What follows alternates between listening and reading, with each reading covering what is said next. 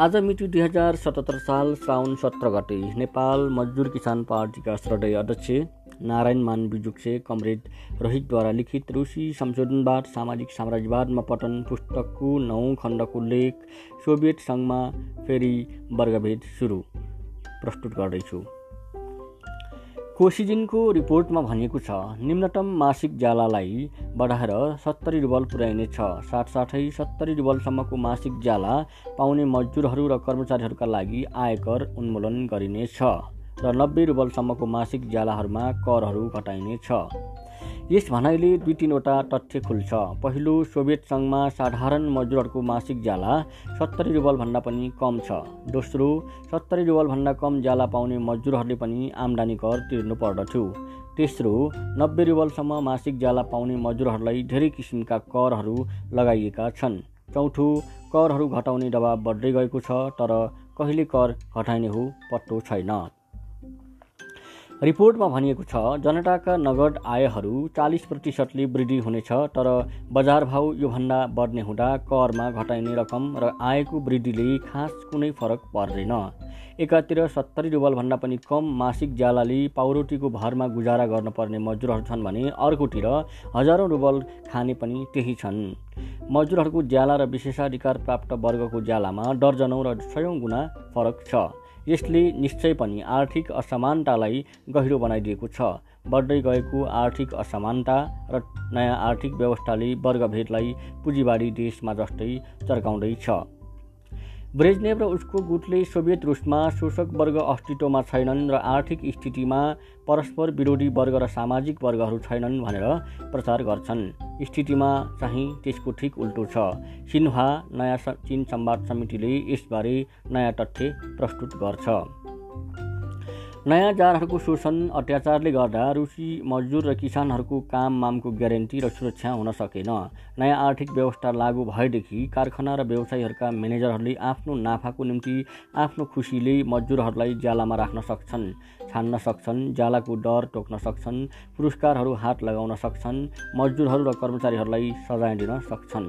Soviet सङ्घमा श्रम फेरि एक किनबेचको वस्तु भइसकेको छ। रुसी अखबारहरू अनुसारै हरेक वर्ष थुप्रै मजदुरहरू कामबाट निकालिन्छन्। मजदुरहरूको जीवन अस्थिर भइसकेको छ र थुप्रै मजदुर र किसानहरू कामको निम्ति आफ्नो ठाउँबाट अर्को ठाउँमा भाग्न बाध्य छन्। सोभियत मजदुरहरूको आम्दानी एकातिर घट्दैछ भने अर्कोतिर तिनीहरूमाथि करहरू बढाउँदैछन्। रुसी संशोधनवादी तथ्याङ्क अनुसार नै घरको कर सन् उन्नाइस सय साठीमा पाँच अरब साठी करोड रुबल मात्र थियो भने सन् उन्नाइस सय बहत्तरमा टु कर बढेर पन्ध्र अरब पुग्यो। अन्न तरकारी मासु तेल चिनी जस्ता दैनिक आवश्यकीय वस्तुको राम्रो पूर्ति हुन नसक्दा मूल्य झन्झन बढ्दै गयो। घरको कर र बजार भाउ बढ्दै गयो तर मजदुर र कर्मचारीहरूको ज्याला भने घट्दै गयो। यस प्रकार सोभियत सङ्घमा गरिब र धनी शोषक र शोषित वर्गको फाटो झन्झन चर्किँदै गइरहेछ। सन् उन्नाइस सय बहत्तरमा पन्ध्र अरब पुगेको घरको कर सन् उन्नाइस सय चौहत्तरमा सोह्र अरब सत्तरी करोड रुबल पुग्यो। यसको अर्थ हो सन् उन्नाइस सय साठीदेखि सन् उन्नाइस सय चौहत्तरसम्ममा घर कर दुई सय प्रतिशत बढायो। सन् उन्नाइस सय आठमा रुसी उद्योगमा नाफा र मजदुरहरूको ज्यालाको अनुपातमा शोषणको दर एक सय प्रतिशत थियो। सन् उन्नाइस सय त्रिहत्तरमा त्यो अनुपात दुई सय प्रतिशत बढी थियो।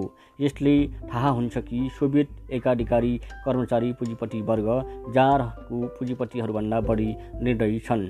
यसकारण अहिलेको रुस जारकालीन रुस र अरू साम्राज्यवादी देशहरू वास्तवमा मिल्दाजुल्दा छन्।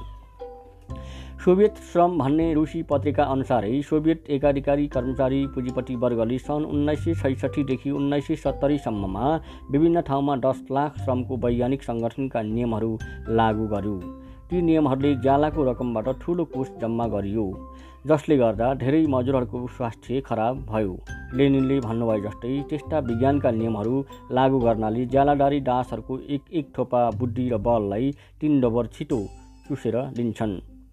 सोभियत प्रेस त्रुटको अनुसार रुसी सङ्घीय गणतन्त्रको दुई सय बयानब्बे कारखानाहरूमा सेचेनिनको अनुभव भनाउँदा नियमहरू लागू गरिएको थियो। श्रमलाई चर्काउँदा एक जुलाई उन्नाइस सय त्रिहत्तरमा सत्तरी हजार मजदुरहरू बेकार भनेर निकालिए। सन् उन्नाइस सय त्रिहत्तरको सोभियत श्रम भन्ने रुसी पत्रिका अनुसार उन्नाइस सय बहत्तरमा सोभियत उद्योगको बिस प्रतिशत श्रम शक्ति अनिश्चित थियो। यो सङ्ख्या साठी लाख पचास हजार हुन्छ। सन् उन्नाइस सय चौहत्तरको नोभेम्बर महिनामा टास समाचार समितिले खोलेअनुसार रुसमा दुई करोड पचास लाख जनताको परिवार आर्थिक कठिनाइमा छन्। यसमा सहरी जनसङ्ख्याको पाँच भागको एक भाग मात्र पर्दछ। सन् उन्नाइस सय साठीको तुलनामा राज्यको सुपट मोलमै मासु तेल र तरकारीमा क्रमशः उन्तिस अठाइस र तेइस प्रतिशत भाव बढायो। खानेकुरामा त अझ पैँतिस प्रतिशत वृद्धि गर्यो। सन् उन्नाइस सय बहत्तरमा त सरकारी पसलमै त्रिसठी प्रतिशत भाव बढेको थियो। सरकारी पसलको त यस्तो हालत थियो भने बाहिरी पसलमा अझै चर्को भाव हुनु स्वाभाविक छ।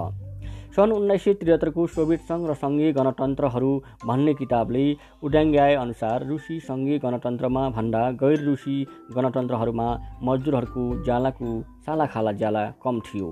त्यस्तै उपभोक्ता सामान बसोबास शिक्षा र संस्कृति स्वास्थ्य र उपचारको क्षेत्रमा पनि गैर रुसी गणतन्त्रहरूलाई भेदभाव गरिएको छ।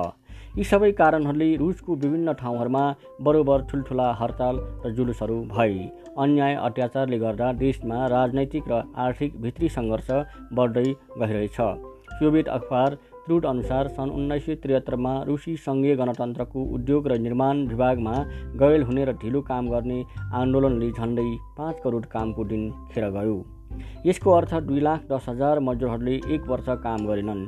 रुसी कामदार वर्गले जाने कि पुँजीवादलाई फेरि स्थापना गर्नाले नै तिनीहरूको हालत खराब हुँदैछ।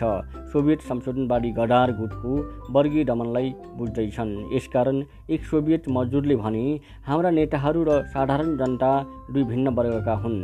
अर्को एक सोभियत नागरिकले भने सोभियत जनताको आजको दुर्गतिको मुख्य कारण संशोधनवाद हो। वर्गभेदको स्थितिलाई ब्रेजनेभ आफै अझ प्रष्ट गर्छन्। यी पाँच वर्षहरूमा कामदार तथा अफिसका कर्मचारीहरूको न्यूनतम मासिक वेतन सत्तरी रुबल पुग्नेछ। केटाकेटीहरूको निम्ति नगद अनुदानहरूको व्यवस्था गर्ने जहाँ परिवारको प्रत्येक सदस्यको आय पचास रुबल नाग्दैन यसले थाहा हुन्छ आज पनि सोभियत सङ्घमा यस्ता कयौँ परिवार रहेछन् जसको आम्दानी महिनाको पचास रुबल पनि पुग्दैन।